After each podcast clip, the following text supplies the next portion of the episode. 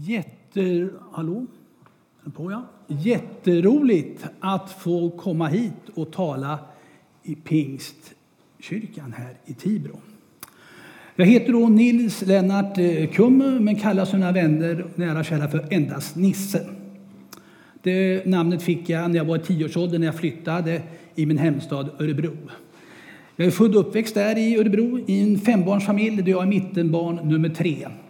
Och definitivt då inte uppväxt i kristna sammanhang utan min far hade problem med alkohol och var som man kallar för i dagens sjukdom klassisk alkoholist. Och vi fem barn är då uppväxta i den här dysfunktionella familjen kan man säga. Och det skapar konsekvenser i sin tur. Naturligtvis. Det skapar konsekvenser i sin tur naturligtvis. Så jag hamnade också lite på sniskan där i tillvaron. Och det slutade med förskräckelse. Men det ska vi ta senare under predikan. Jag tar mitt vittnesbörd, så tar vi sen. Jag jobbar idag som själavårdande pastor i en kristen förening som heter IBUS. Som står för individuellt behovsstyrt uthålligt stöd som har sitt kontor uppe i Karlsfors gård i Lerdala. Där jobbar jag som själavårdande pastor. Och vi har en liten broschyr som kanske folk vill ha sen efter predikans slut så ni kan få av mig. Så har jag ett antal exemplar med mig. Samtidigt har vi också gett ut en bok där vi har 20 stycken vittnesbörd. Bland annat mitt vittnesbörd också där man kan läsa lugn och ro om människor som har vänt sitt liv från grus upp till en katedral i en funktion idag i dagens samhälle. Och många har hittat den vägen tack vare Jesus Kristus och frälsningen. Den kan också få, de som vill köpa den direkt kan köpa för 300 kronor och sen vill ha den på via posten får de betala en hundring extra i portot. Lite kort bara min bakgrund, det tar vi mer sen. Låt oss nu samla oss i bön inför predikan. Tack käre Jesus för att vi får samlas till gudstjänst just denna söndag. Tack för din nåd och barmhärtighet över alla människor som lyssnar på det idag. De som sitter här i raderna, sitter framför media och lyssnar på detta. Kom med din välsignelse över var och en. Låt dem få höra det här de kanske vill ha i sitt hjärta. Det här meddelandet. Använd mig idag. Låt mig stå i skuggan av dig och förmedla ett bud av hopp, kärlek, förlåtelse, nåd och det här det fantastiska kristna budskapet att börja om där du står. Det kan du göra just idag. Amen. När Jesus vandrade på jorden hade han en fantastisk undervisningsmetod. Han älskade att tala till människor och undervisa dem i liknelser. Varför det? Jo, för människorna i hans samtid kunde känna igen sig när han berättade dessa liknelser. Alla kunde identifiera sig på något sätt i den här liknelsen. Och därför använde han det så folk förstod vad han pratade om. Han ville inte predika från någon sorts teologisk högpunkt på någon så kallad estrad eller någon som sitter någon så här, utan han ville vara ett med folket. Och alla förstod det han pratade om, både hans samtida vänner, både de här som var neutrala och sen även hans fiender som inte gillade Jesus för ett dugg vad han höll på med. Speciellt det andliga dåtidens prästerskap styrde bland annat av grupperingarna fariser och saduceer som man ständigt var i fight med när vi läser i Bibeln. Men alla förstod när han läste tog den här liknelsen kunde de snabbt identifiera sig med den och ta till sig budskapet. Idag ska vi tala om liknelsen från Lukas kapitel 15, den återfunne sonen.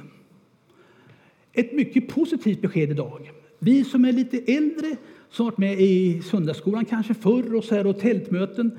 När folk har predikat så var överskriften Den förlorade sonen. Men nu har vi ändrat. I dagens tidevarv behöver vi verkligen höra positivitet. Den återfunne sonen. Världen idag blöder. Det är problem. Vi, har ju, vi ser själv hela omvärlden, men framförallt också i Sverige. Vi har problem värre än någonsin. Människor mår psykiskt dåligt och så vidare. Det är massa saker och folk går vilse i livets tillvaro. Vi behöver presentera det kristna budskapet som ett positivt budskap. som pratar om hopp, som pratar om förlåtelse, nåd, barmhärtighet. Vi har det, och det här framförallt det viktigaste. det var parentation idag. Vad är vi på väg? Det eviga livet. Vi är på väg till himlens hemland. Halleluja! Vakna upp människor. Vi ska vara jublande glada. Vi ska stå för positivitet. Vi har ett hopp. Oavsett vad som än händer vet du och jag vart vi är på väg. Och vet du inte det, då får du gå hem och bara prata med Jesus och säga hallå, ge mig en frälsningsvisshet eller klarhet att jag är på väg till himlens hemland. Det behöver vi höra idag och ta med så många vi kan. Din uppgift och min enda uppgift är att vinn så många själar du kan. Sen har vi olika uppgifter i Kristi kropp. Helt klart. Några av oss ska stå här och prata som en annan som är full av ordets grejer och kan hålla igång ett timtal. Det ska jag inte göra idag. Jag har fått strikta ord att jag får stoppa. Helt enkelt. Men det är mitt, eh, mitt jobb och några har andra jobb de ska göra. Jag har bara fått kan man säga, en huvudgåva. Jag kan inte spela något instrument. Jag har ett halvdålig sångröst. Jag är ingen bra praktiker etc. Jag har inga som helst anlag eller gåvor. Gud gav mig bara en gåva i överflöd, att tala. Det kommer ni märka, att prata. Men nu ska vi ta dagens bibeltext. Och det är Lukas 15, från kapitel, och det är kapitel 15, från vers 11 till 32. Då tänker många, oj, oj, det här är många verser. Ja, det är som hela liknelsen. Ska vi få ihop det här så får vi ta hela liknelsen i ett svep. Och Jesus har berättat en liknelse före här och nu fortsätter han. Vidare sade han, en man hade två söner. Den yngre av dem sa till sin far, Far, ge mig min del av förmögenheten som ska bli min. Då delade han sin egendom mellan dem. Den, några dagar senare packade den yngre sonen ihop allt sitt och reste långt bort till ett främmande land. Där levde han hämningslöst och slösade bort hela sin förmögenhet. När han hade gjort slut på allt drabbades det landet av en svår svält och han led, började lida nöd. Då gick han bort och tog tjänst hos en av landets medborgare som skickade ut honom på sina ägor för att vakta svin. Han hade gärna velat äta sig mätt på fröskidorna som svinen åt, men ingen gav honom något. Då kom han till besinning och sa Hur många arbetare hos min far har inte mat i överflöd och här svälter jag ihjäl. Jag vill stå upp och gå hem till min far och säga till honom Far, jag har syndat mot himlen och inför dig. Jag är inte längre värd att kallas din son. Låt mig få bli som en av dina arbetare. Och han stod upp och gick till sin far. Medan han ännu var långt borta fick hans far se honom och förbarmade sig över honom. Fadern skyndade fram, omfamnade honom och kysste honom. Och han, sonen sa till honom, Far, jag har syndat mot himlen och inför dig. Jag är inte längre värd att kallas din son. Men fadern sa till sina tjänare, skynda er, ta fram den finaste dräkten och klä honom och sätt en ring på hans finger och skor på hans fötter. Och hämta gödkalven och slakta den. Nu ska vi äta och fira. För min son var död men har fått liv igen. Han var förlorad men är återfunnen. Och festen startade. Men hans äldre son var ute på fälten. När han nu kom och närmade sig gården fick han höra musik och dans. Han kallade då till sig en av tjänarna och frågade vad kunde detta betyda. Tjänaren svarade, din bror har kommit hem och din far har slaktat gödkalven eftersom han har fått honom välbehållen tillbaka. Då blev han arg och ville inte gå in. Hans far kom ut och försökte övertala honom. Men han svarade sin far, här har jag slavat för dig alla dessa år och aldrig gått emot ditt ord. Och mig har du aldrig ens gett en killing så jag kunde fira med mina vänner. Men när han där kommer hem, din son som har festat upp förmögenheten tillsammans med horor, då har du slaktat gödkalven för honom. Fadern sade till honom, mitt barn, Du är alltid hos mig och allt mitt är ditt. Men nu måste vi fira och glädja oss, för din bror var död men har fått liv igen. Han var förlorad men är återfunnen. Amen.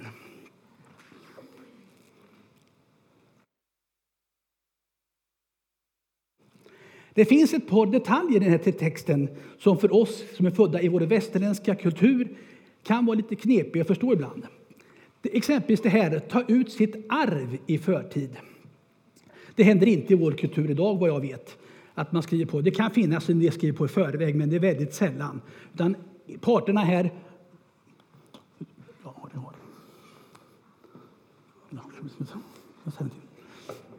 Precis, det är bra. Parterna här idag skriver inte sig förtid, man får ta ut sitt arv efter föräldrarna har gått bort. Så här är det väldigt spännande i den här kulturen då, som då Jesus säger att här förstår man, här kunde människor ta ut arvet i förtid. Som sonen ville ha den yngre sonen. Fadern skiftade, yngre sonen tog sitt pick och pack och drog iväg med alla pengar och sin förmögenhet. Han hade fått ut sitt arv. Det fanns ingenting kvar att hämta i hemmet. Allt det försvinner. Du vet, han festar upp alltihopa. Det kommer den här nöden. Och helt plötsligt ska han gå ut och så märker man att han är i främmande land. Här förstår folk direkt att det här personen då kanske är då jude. Och så får han gå ut och göra det absolut sämsta som finns för en jude. Vakta svin. Svin, griset för judarna, hemskt orent djur, långt ner. Så förstår man att han har sjunkit i sin gradering fullständigt här, den här killen. Att vakta svin. I oss är det västerlandet. Vad skulle det vara för oss att hamna på bottnarnas botten? Ja, kanske typ hamna typ i missbruk, livstidsfängelse eller kanske som de här stackarna från Rumänien, sitta och tigga utanför ICA. Det tycker vi många av oss är helt förskräckligt. Jag menar, det är ju ingen, det är ingen rangordning alls. Alla ska ha ett jobb och jobba och känna sin försörjning. Det är värderingen. Att sitta och tigga är ju verkligen skammen av skammen, längst ner. För oss är det det. Men för de här rumänerna pratar med, för de kallar det för arbete att sitta där och få in pengar, vilket är för oss, för mig också helt främmande. Går inte alls ihop med våra värderingar. Olika kulturer, olika värderingar. Sen kommer den fantastiska meningen. Tänk om många människor kunde komma till det här. Han kom till besinning. Han kom till insikt. Han började göra en sund självrannsakan. Vad håller jag på med? Och det här kan många sakna i Sverige också. Saknar det här. Man kommer inte till insikt, man kommer inte till besinning, helt enkelt. Man tuffar på vidare, kanske förnekar att det är uppenbara problem och bara stormar på och saken blir bara värre och värre. Den här sonen, som sagt var, kommer till besinning, insikt och eftertanke. Vad håller jag på med? Här håller jag på och svälter ihjäl. Jag går hem och tar tjänst hos min far som tjänare, daglönare och får ett bra liv och får mat för dagen. Så han går hemåt. Han beger sig av hem, vänder om helt enkelt. Fadern då, han står och tittar. Vi vet inte hur lång tid han har varit borta, men fadern har stått och spanat varje dag efter sin son. När han nu ser sin son på långt håll, ruggig och förskräcklig, jag kan inte tänka mig synen, men fadern ser bara sonen. Han ser sonen, ren, fin, hel. Han linkar inte, han springer honom till mötes. Han skyndar sig fram. Han kanske tar ett sprintlopp alla Usain Bolt, som är gammal fritids eh, 100 meter sprintare. Rusar honom till mötes. Omfamnar honom, kysser honom. Och säger de här gamla klassikerna, ta fram finaste dräkten, ring på fingerskor på fötterna. Och så framförallt, helt plötsligt tar man det viktigaste, den här gödkalven. Att slakta gödkalven är ett hedersbetyg utan dess like i den här kulturen. Den är sparad för ett speciellt tillfälle, för att man ska göda upp den och sen kanske bli väldigt stor. Nu bryter fadern det direkt säger vi tar gödkalven direkt och slaktar den. Punkt slut, utan diskussion. Förstår vilket värdering han har på att sonen kommer hem. Min vän, det här är också det är du och jag. Det är så Gud ser på oss. Det är så Jesus Kristus ser på oss. Vi är hans värdefulla diamanter. Han sviker oss aldrig, han lämnar oss aldrig. När vi väl får in dem här i vårt hjärta, i vårt liv, så vandrar Gud alltid med oss varje jordisk sekund tills vi lämnar den och kommer hem till den himmelska saligheten. Där ännu mera fest kommer att hållas, där alla vill träffas och generationer som har gått före oss med mera kommer dit. Vad händer då med den gamla klassiska äldste sonen? Han blir arg. Arg, irriterad, självömkad och sätter sig i offerroll, alla möjliga saker man kan göra. Han är inte alls nöjd med situationen.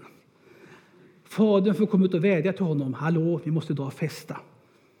Och sonen vräker på. Jaha, här ska vi sätta gödkalven för den här sonen som har slösat bort allt på horor. Och det vet ju inte att han gjort överhuvudtaget. Han drar ju på extra här bara för att trycka på. Det här är inte bra. Det är katastrof det här. Så han slänger ut det värsta han kan. Visst, är förmögenheten bortslösad, men vet inte hur det går till. Men den äldste sonen, besserwisser, säger det har han gjort med sånt. Och bara ligger på.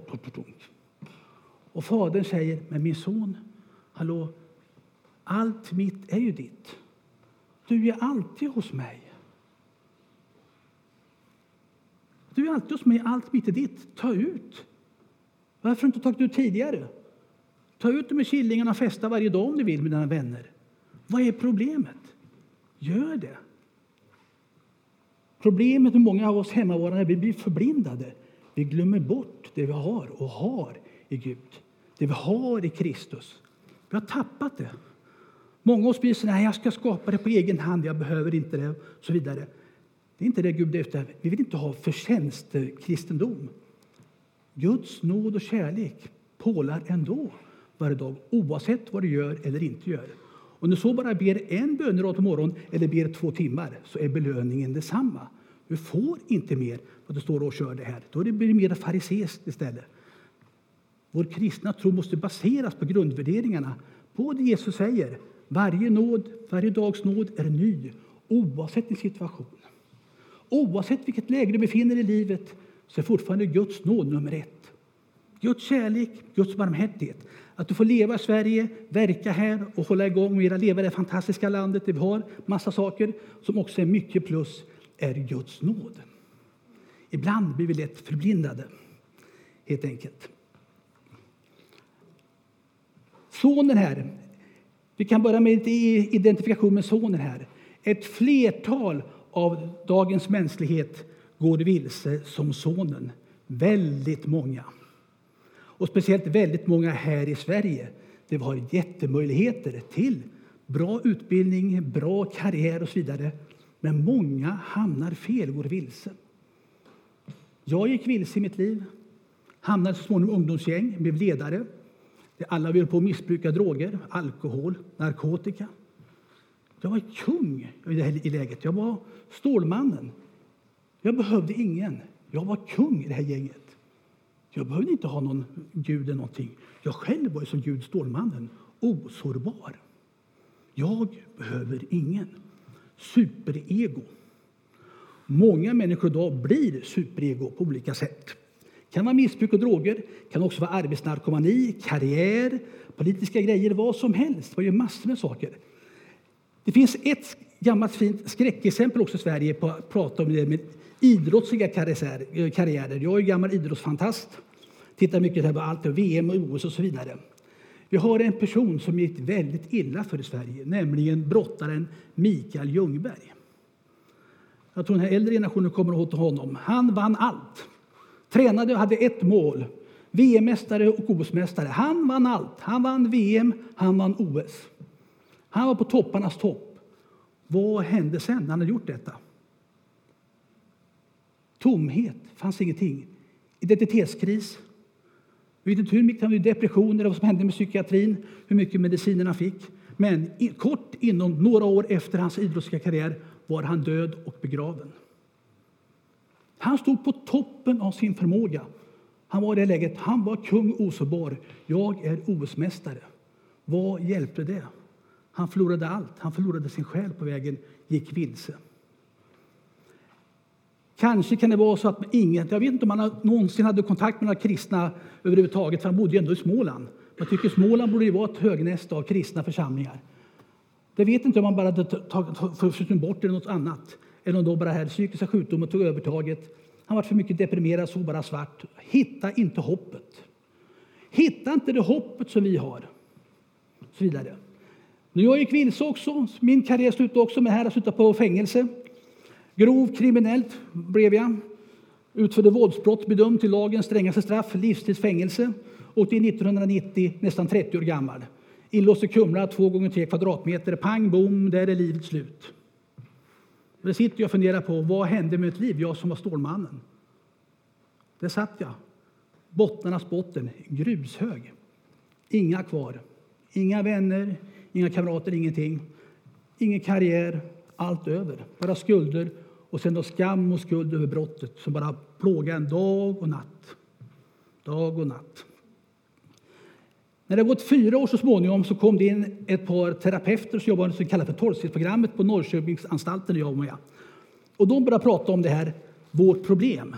Och jag kunde börja lägga ett pussel i mitt liv, för jag varit nykter och drogfri tre år inne på anstalten. Och kunde börja lägga ett pussel och inse jag hade gått vilse i livet tack vare många massa pusselbitar och omständigheter.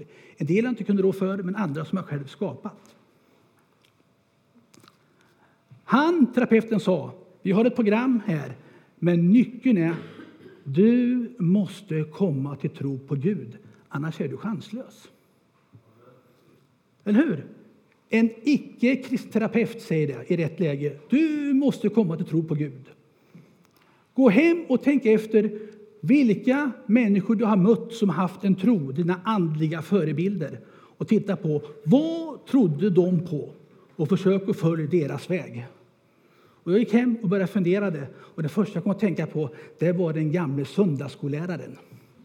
En gammal söndagsskollärare som kom hem från missionsfältet, kom till Örebro, knackade på hemma hos min pappa som var gammal rökkommunist och alkis då. Och han öppnade dörren och där stod missionären och frågade Får jag ta med mig dina barn till söndagsskolan? Och min pappa höll på att få en chock. Han visste inte vilket ben han skulle stå på. Men så fann han sig ganska snabbt min far och frågade Jaha, hur, många, hur lång tid blir de borta då?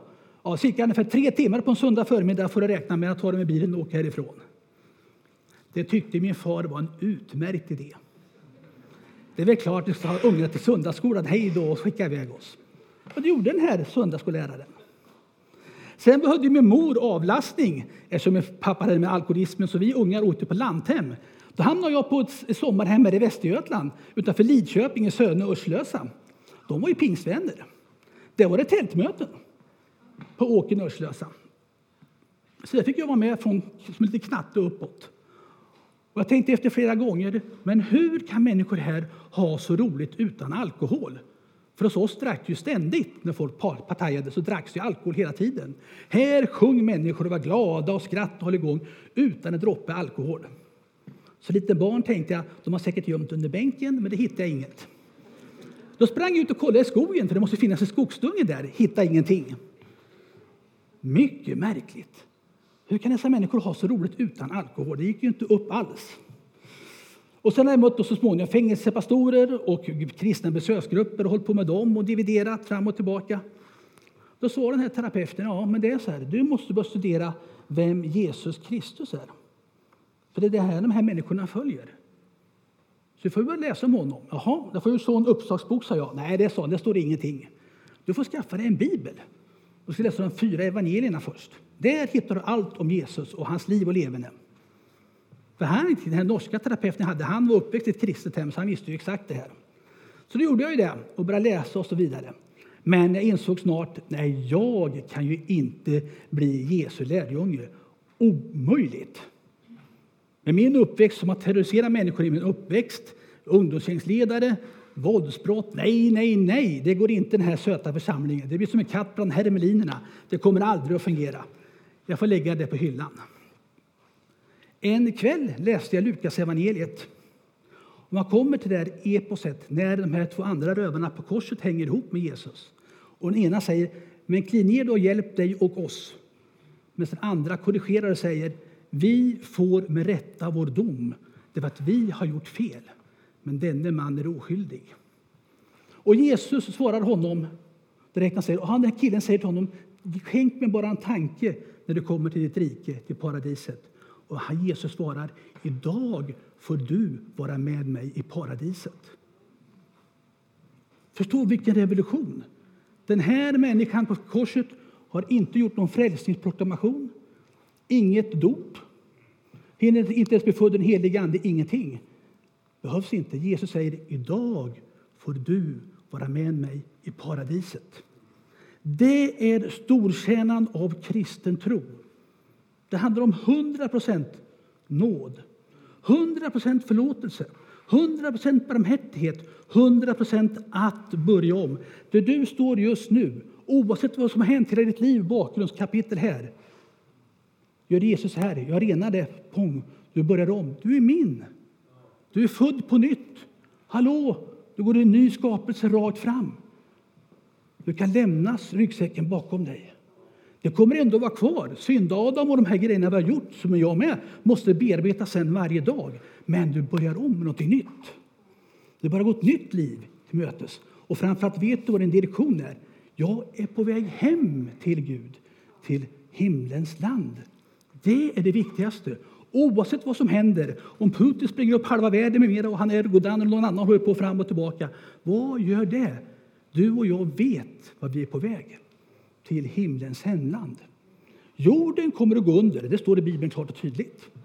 Förra gången var det vatten, nästa gång kommer det vara eld, som Petrus säger. Det står klart och tydligt, det är bara att läsa till. Det kommer att försvinna. En vacker dag så är det jord, hela jordplaneten borta. Fom allt vad som finns där på. Det kanske går på en millisekund. Men du och jag och min själ reser hem. Vi reser hem. Vi behöver inte vara rädda för det. Vi reser hem. Tänk oss på det. När Jesus också tar den här liknelsen så kommer också det här fas 2. Jesus vill också visa vem Gud är, som är Fadern. Därför att den här gudsbilden på Jesu tid var förvrängd av dåliga ledare. Där Gud var elak, det skulle vara regler att hålla, det var straff och det var grejer och massa paragrafer att följa. Jesus sopade med mattan när han visar Guds bild här. Det här är Gud, full av nåd, barmhärtighet och kärlek som springer sonen till mötes. Direkt. Springer till mötes och kysser honom. Hallå, det är verkligen Gud, den bilden som vi vill presentera, som vi pratar om här full av nåd och kärlek och barmhärtighet. Det är den kristna guden. Och Det är det som Jesus Kristus förmedlar. Jag och Fadern är ett. De är bara fulla av nåd och sanning och kärlek. Det finns inget som skiljer dem åt. Och även då vår tredje som den helige Ande som inte egentligen vill säga så mycket, han bara pekar på Jesus. Och Gud säger samma sak, pekar på Jesus. Så därför som vi kallas för Kristuscentrerade i vår tro. Jesus Kristus är nummer ett, helt enkelt. För Gud Fadern har sanktionerat allt i honom. Och sen sitter helige Ande sanktionerat tillbaka som Gud gav oss som gåva. Så det går ihop. De tre är eniga i det de gör, men har fokus på Jesus Kristus. Ej att förglömma. Vad ska vi säga om den äldste sonen?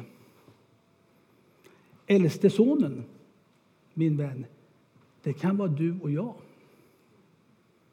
Gammelkristna, eller vi kristna som varit med länge, många år, och så kommer nya människor och vi har svårt att kanske då förlåta eller acceptera det de har ställt till med sitt tidigare liv.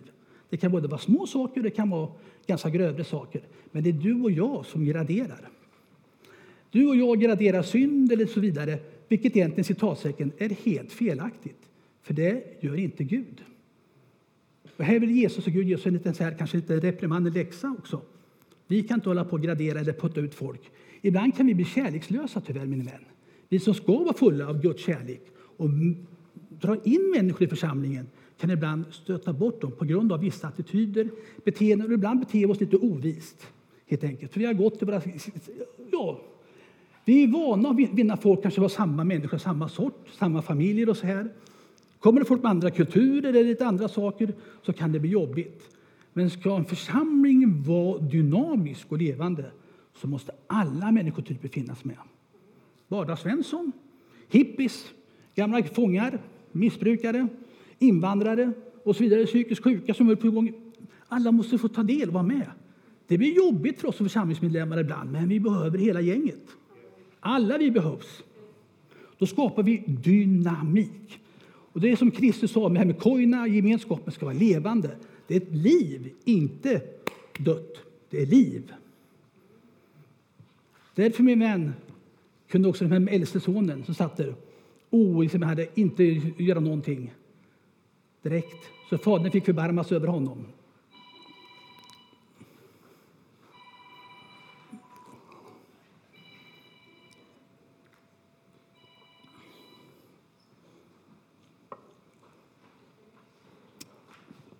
Vår moderna välfärd vill gärna höra av sig. Tänk er förr i tiden när man bodde på Lantemos här då. Det fanns en telefon hemma. Thomas man cykeln åkte iväg, man är inte kontaktbar. Eller hur? Det var en viss, del välsignelse, helt klart. Jag idag så till och med så min, min inte egentligen om att jag har två telefoner och folk ringer och jagar den hela tiden. Man är citatsäker nästan aldrig ledig. Jag får lägga bort det nu när jag har semester på badstranden. Stäng av telefonen, lägg den där och så ligger jag och badar på någon timme så här och sen kan jag gå och titta någon som har ringt överhuvudtaget eller inte. Så ser jag, äh, det var inte så viktigt, jag tar det sen. Måste, vi måste lära oss prioritera rätt. Välfärden, svensk välfärd kan också lätt bli en förbannelse. kan mycket väl bli det. Vi måste hitta det här rätt nivå på alltihopa, balans. Det kan vara en jättesvår fråga att hitta en lagom balans, helt enkelt. Sluttampen då. Slutmeddelandet. Du och jag, min vän, oavsett just nu idag du sitter i bänkraden, var du, hur du har levt ditt liv, vad du har gått igenom. Vi har ingen aning om vår framtid och så vidare. Historiken kan vi se. Men du kan lägga hela din historik och alltihopa detta idag i Jesu händer. Du kan starta ditt liv från idag och ta ett beslut. Så här har jag levt, men idag vill jag komma in i den här ruljansen. Så får du göra det. För Gud i sin nåd kommer att göra det oavsett vilken nivå du lever. Och vill du ha kvar det du lever idag och så det känns, det känns bra, så det är inget problem. Då lever du kvar i det. Gud jagar inte förtjänst eller prestation eller någonting. Han vill bara som sagt meddela här, allt mitt är ditt.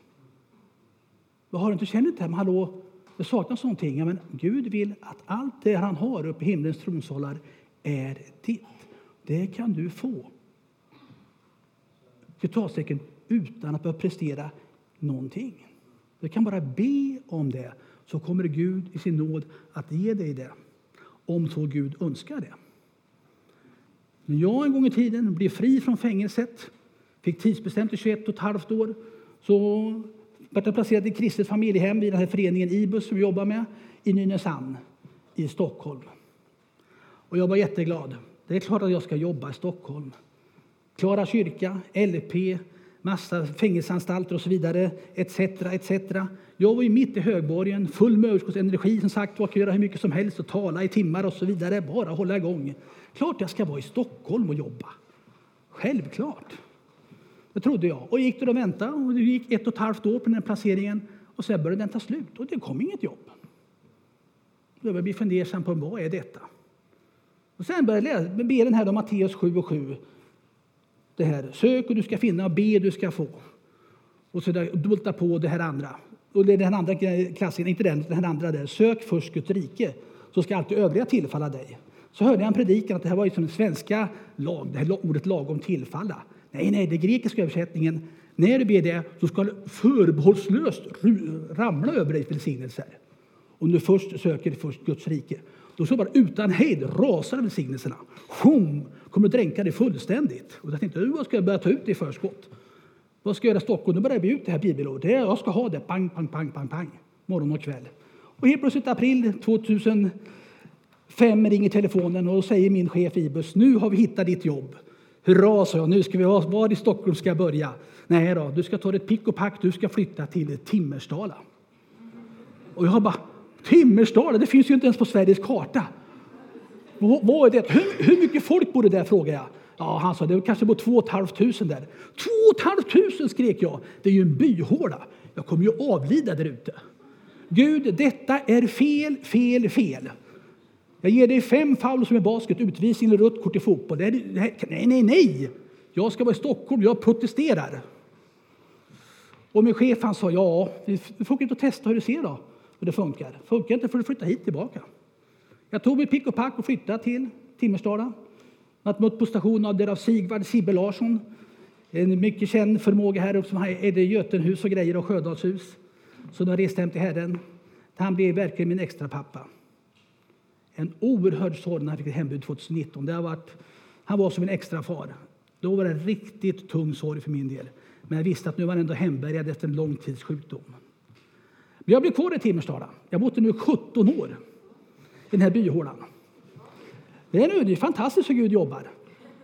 Och nu sitter jag och tittar bakåt och tittar på gungstolen bara åren går. Ja, jag har ett jättebra liv. Vad har hänt i Timmersdala? Ja, Alltså, här skaffade jag bil och körkort. Jag har aldrig haft bil förut. Det skaffade jag då 53 år gammal, skuldsanera, började jobba och sen började jag för sex år sedan jobba som fotbollspastor hemma i byn.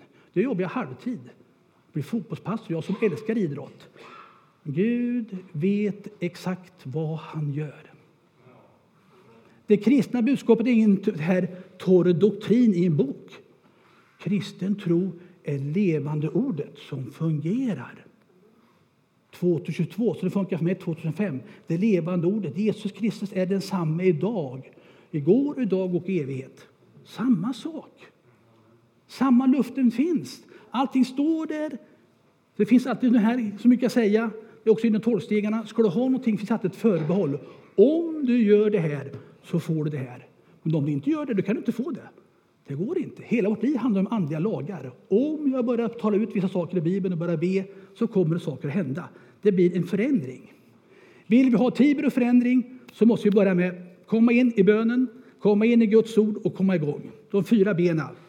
Bön, bibel, nattvarden, brödrabyten och brödsbyten och brödragemenskapen och även systergemenskapen numera. Vi, är ju jämlika. Men då har vi de fyra benen. Gör du det som kristen, jag kan utlova dig ett liv som du får leva som är fantastiskt. Och med de orden så ska jag bara ta en avslutningsbön så ska jag tacka för mig. Tack Jesus Kristus för nåd och barmhärtighet, för att du älskar alla människor. Alla som är samlade här, de sitter nu på nätet och lyssnar och kommer att lyssna på inspelningen. Min vän, idag är frälsningens dag. Idag kan du vända om och idag kan du ta ett nytt beslut i olika saker. Är det så att du är kvar och varit frälst men kanske inte varit med i dopgraven, kan du ta ett beslut, jag vill döpa mig. Är det det att du känner också, jag har inte fått loss nådegåvorna? Ta kontakt med församlingspastorer, ska vi börja be att vi lösgör nådegåvan som finns i ditt liv, i ditt inre, i den heliga Ande. Du har som alla andra gåvor. De ska komma till användning bara för Guds rike, inte för dig personligen, utan för Guds rike och hans utbredande i Tibro, i Västergötland, i Sverige, i Europa. Det är dags för kristna nu att nu, är dags, nu måste stå upp. Det är hög tid att stå upp. Stå upp var ljus, lys ljuset, som Jesaja sa. Det är hög tid för det. I Jesu namn. Amen.